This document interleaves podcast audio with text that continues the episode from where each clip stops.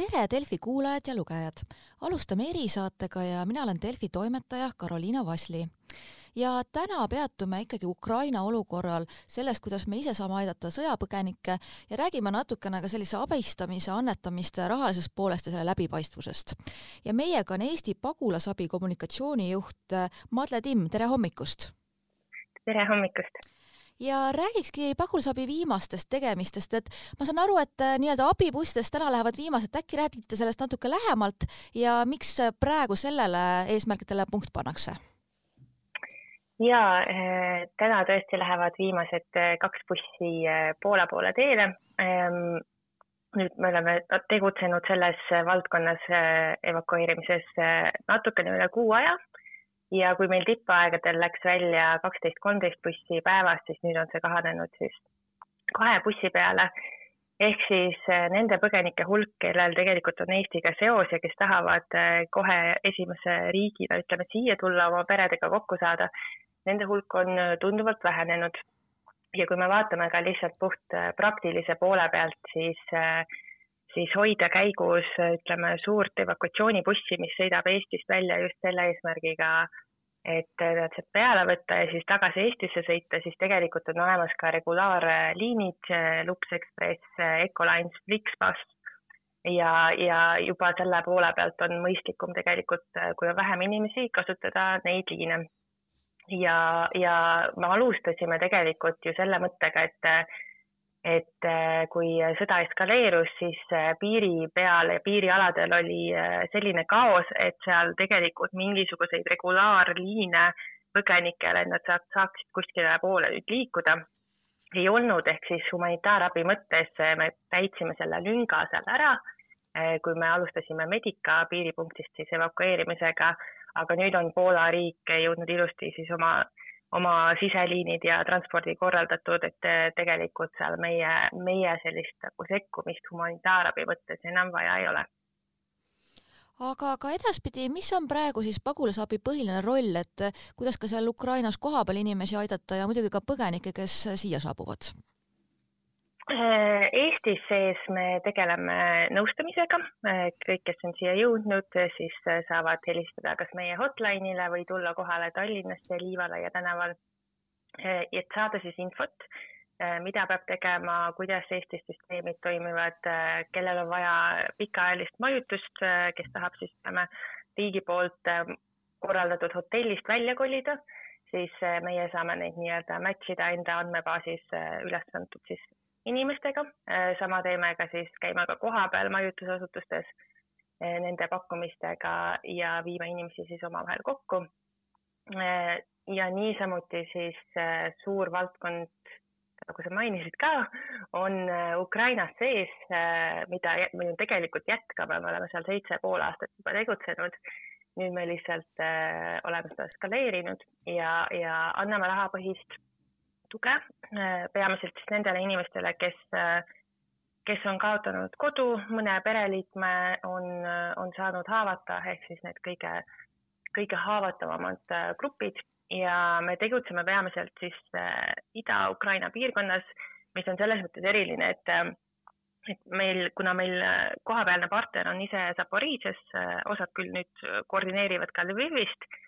aga meil on see võimekus äh, toetada just nendes äh, rindelähedastes piirkondades ja linnad, linnades. Äh, ja need, ütleme, suuremad organisatsioonid, kes nüüd on otsustanud, et lähevad ka Ukrainas appi, siis nemad saavad tegutseda rohkem siis lääne pool. et selles mõttes meil, meil on see võimekus jõuda, ütleme jah, kõige haavatavamate gruppideni ja hetkel me oleme toetanud ligi nelja tuhandet leibkonda juba, mis on umbes kaksteist tuhat inimest. ja, ja see on siis jah, peamiselt rahapõhine sekkumine eh, just selleks, et eh, kui peamiselt veel turud toimivad, siis inimene saab ise otsustada, mida tal parasjagu kõige rohkem vaja on, kas tal on vaja süüa, riideid, ravimeid, kas tal on vaja seda raha evakueerumiseks, eh, et, et see hetkel on ka ÜRO poolt siis kinnitatud, et see on kõige mõistlikum äh, viis abi pakkumiseks. Ja lisaks toetame siis ka kohalikke haiglaid, äh, oleme sinna saatnud erinevaid erinevaid asju, viimati ka näiteks generaatoreid. Ja, ja oleme jaganud ka pommivarjendites olevatele inimestele tekke enne käisin läbi, et just siin Eestis äh, ollakse abis äh, nõustamise ja muuga, aga mis ongi siis põgenikud, kes on siia Eestisse äh, saabunud, nende jaoks sellised kõige suuremad murekohad? no ma oletan, et lisaks elukohale vast ka tööasjad ja üldse haridusteemad ja, ja et mis, millest nad räägivad? eks seal on jah, erinevad küsimused, alguses on peamiselt ikkagi, kuidas need baasasjad korda saada, et kuhu nad üldse peavad minema, kustkohast nad selle äh, dokumendid korda saavad, äh, kuidas, kui neil on lapsed, siis muretsetakse selle pärast, et äh, kas saab nad panna lasteaeda või kooli, kust leida töökoht, et tegelikult need ongi need peamised küsimused, et tõenäoliselt nendele, ütleme, võib-olla nagu teisejärgulisematele asjadele mõeldakse siis, kui sul on ikkagi baasvajadused kaetud, nagu see Maslow püramiid ikka käib aga, aga küsitakse ka selle kohta, et, et kuidas ütleme eesti keelt õppida, kuidas, kuidas üldse see elu siin, siin Eestis välja näeb, kas nad saavad valida elukohta, kuhu minna. Ja, ja vajatakse ka lihtsalt väga palju lihtsalt ärakuulamist ja tuge, et need inimesed on ikkagi äh, noh, käituvad eri, erinevalt ja elavad seda kogemust erinevalt läbi, aga, aga eks ta niisugune trauma, traumaatiline loomulikult on, nii et nad tulevad ka lihtsalt rääkima siin meil juba käis ka vestlusest läbi, et rahaline abi on see, mis ikkagi vajatakse, aga eile oli natukene siin Päevalehel kajastus see punaste äh, risti puudutav, et siis natuke selline annetuste teema sai ka sellise väikse matsu, aga kui me räägime pagulasabist konkreetselt, et kuidas teil see rahastus koordineeritud on, kui palju üldse praeguseks meil kaasmaalased on annetanud ja kuidas see jõuab siis reaalsete abivajajateni? Äh, hetkeseisuga on meil kogunenud üle, natuke üle nelja koma nelja miljoni euro. Äh, nendest on osad siis on äh, otseselt sihtannetused, noh, näiteks evakuatsioonide korraldamiseks või Eesti-sisesteks tegevusteks. ja, ja suure osa sellest, kõige suurem osa tegelikult siis me saadamegi Ukrainasse sisse. ja meil on, meil on see korraldatud niimoodi, et me teeme ülekandeid osa, osade kaupa selleks, et minimeerida siis riske. me ei tea täpselt, kui kaua seal need turud toimivad, et kas see raha jõuab sinna üldse üle, ehk siis no kuskil kahesaja, kolmesaja tuhande euro kaupa neid ülekandeid oleme teinud. lisaks, kuna, kuna Grivna ka kõigub siin kriisioludes siis see on teine riskifaktor, millega me siis äh, arvestame, et me ei, me ei tee kohe mitme miljoni suurust ülekannet. ja Ukraina osas me hoiame veel ka nende seal pangakontol ettemaksu ehk siis kriisireservi, kui midagi peaks juhtuma ja neil on vaja suuremat summat siis äh, kulutada. praeguseks me oleme kulutanud äh, Ukrainas seest ligi miljon eurot, see on siis juba, mis on otseselt jõudnud abivajajateni on, äh, on mitusada eurot, mis on siis kulutamisel nii-öelda, hetkel meil on võimekus umbes päevas mm, toetada enam-vähem kahtesadat viitekümmet leibkonda, me nüüd äh, vaikselt tõstame seda, seda numbrit, mis tähendab umbes viiskümmend tuhat eurot päevas siis Ukrainas sees. ja, ja Eestis on ütleme nende evakuatsioonisõitude peale on meil kulunud natuke üle poole miljoni euro ja eks siin vaikselt hakkame tegema ka suuremaid grupinõustamisi, erinevaid tegevusi Eestis, mille peale siis, siis see annetusraha läheb, kaasa arvatud ka ütleme ranitsatoetus nendele lastele, kes kooli lähevad, psühholoogilise toe kulud ja kõik see pool. et meil siin jah, ütleme selle äh, Punase Risti valguses, et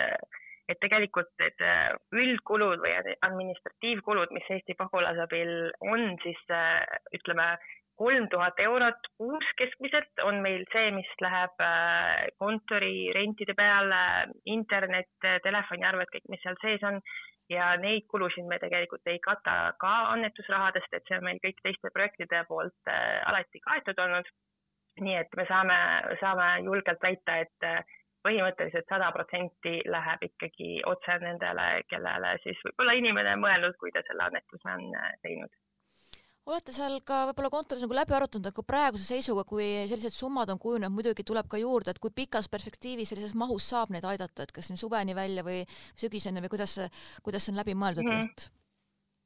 kui me räägime sihtotstarbelistest annetustest, mis on tehtud siis suuremas summas konkreetselt näiteks nõustamiste tarbeks, siis seda tõenäoliselt jätkub äh, pikemaks ajaks, seda enam, et me oleme veel kriisi selles faasis, kus me katame siis äh, põgenike baasvajadusi ja see suurem nõustamine, ütleme mingisugused digioskustega töötoad või ka, või ka vanemlike oskuste töötoad, teist sorti nõustamised, et see alles tuleb, nii et seda siis me hakkame siit aegamööda järjest korraldama. kui me räägime nüüd otseselt sellest rahast, mis me suuname Ukrainasse, siis äh, kui noh, eks need olud selles mõttes muutuvad, et me ei tea, kuidas need turud äh, toimivad, äh, me ei tea ka, kui paljudele, kui noh, kui kiiresti me jõuame skaleerida, mis tähendab, et kui me suudame oma võimekust seal tõsta, mida me oleme siin järjest teinud, siis see raha loomulikult kulub ka kiiremini, aga kui me vaatame praegust tempot, siis äh, Ukrainas sees meil äh, nendest rahadest jätkub umbes kuu, viieks-kuueks nädalaks, mis tegelikult äh, kriisioludes ei ole üleüldse pikk aeg,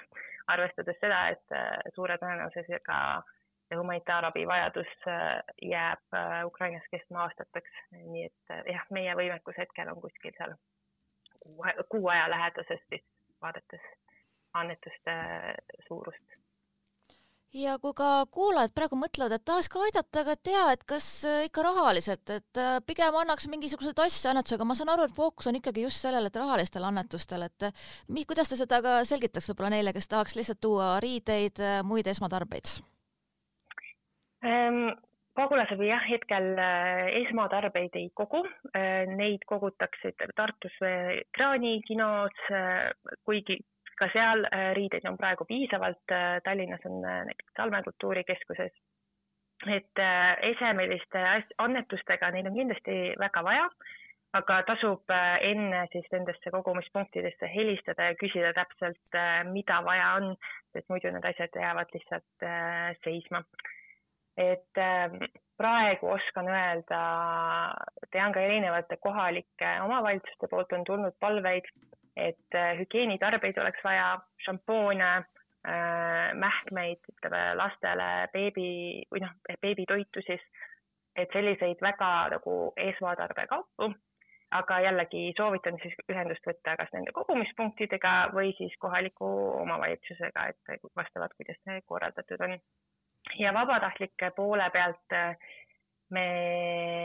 jällegi need kogumispunktid kindlasti otsivad vabatahtlikke appi, tasub neilt uurida ja Eesti pagulasabi poolt me siis anname jooksvalt enda sotsiaalmeediasse või kodulehel teada, kui meil peaks olema tarvis siis äh, neid inimesi äh,. hetkel oskan öelda, et äh, pigem on puudus siis inimestest, kes räägivad ka lisaks kas eesti või inglise keelele ka ukraina või vene keelt ja, ja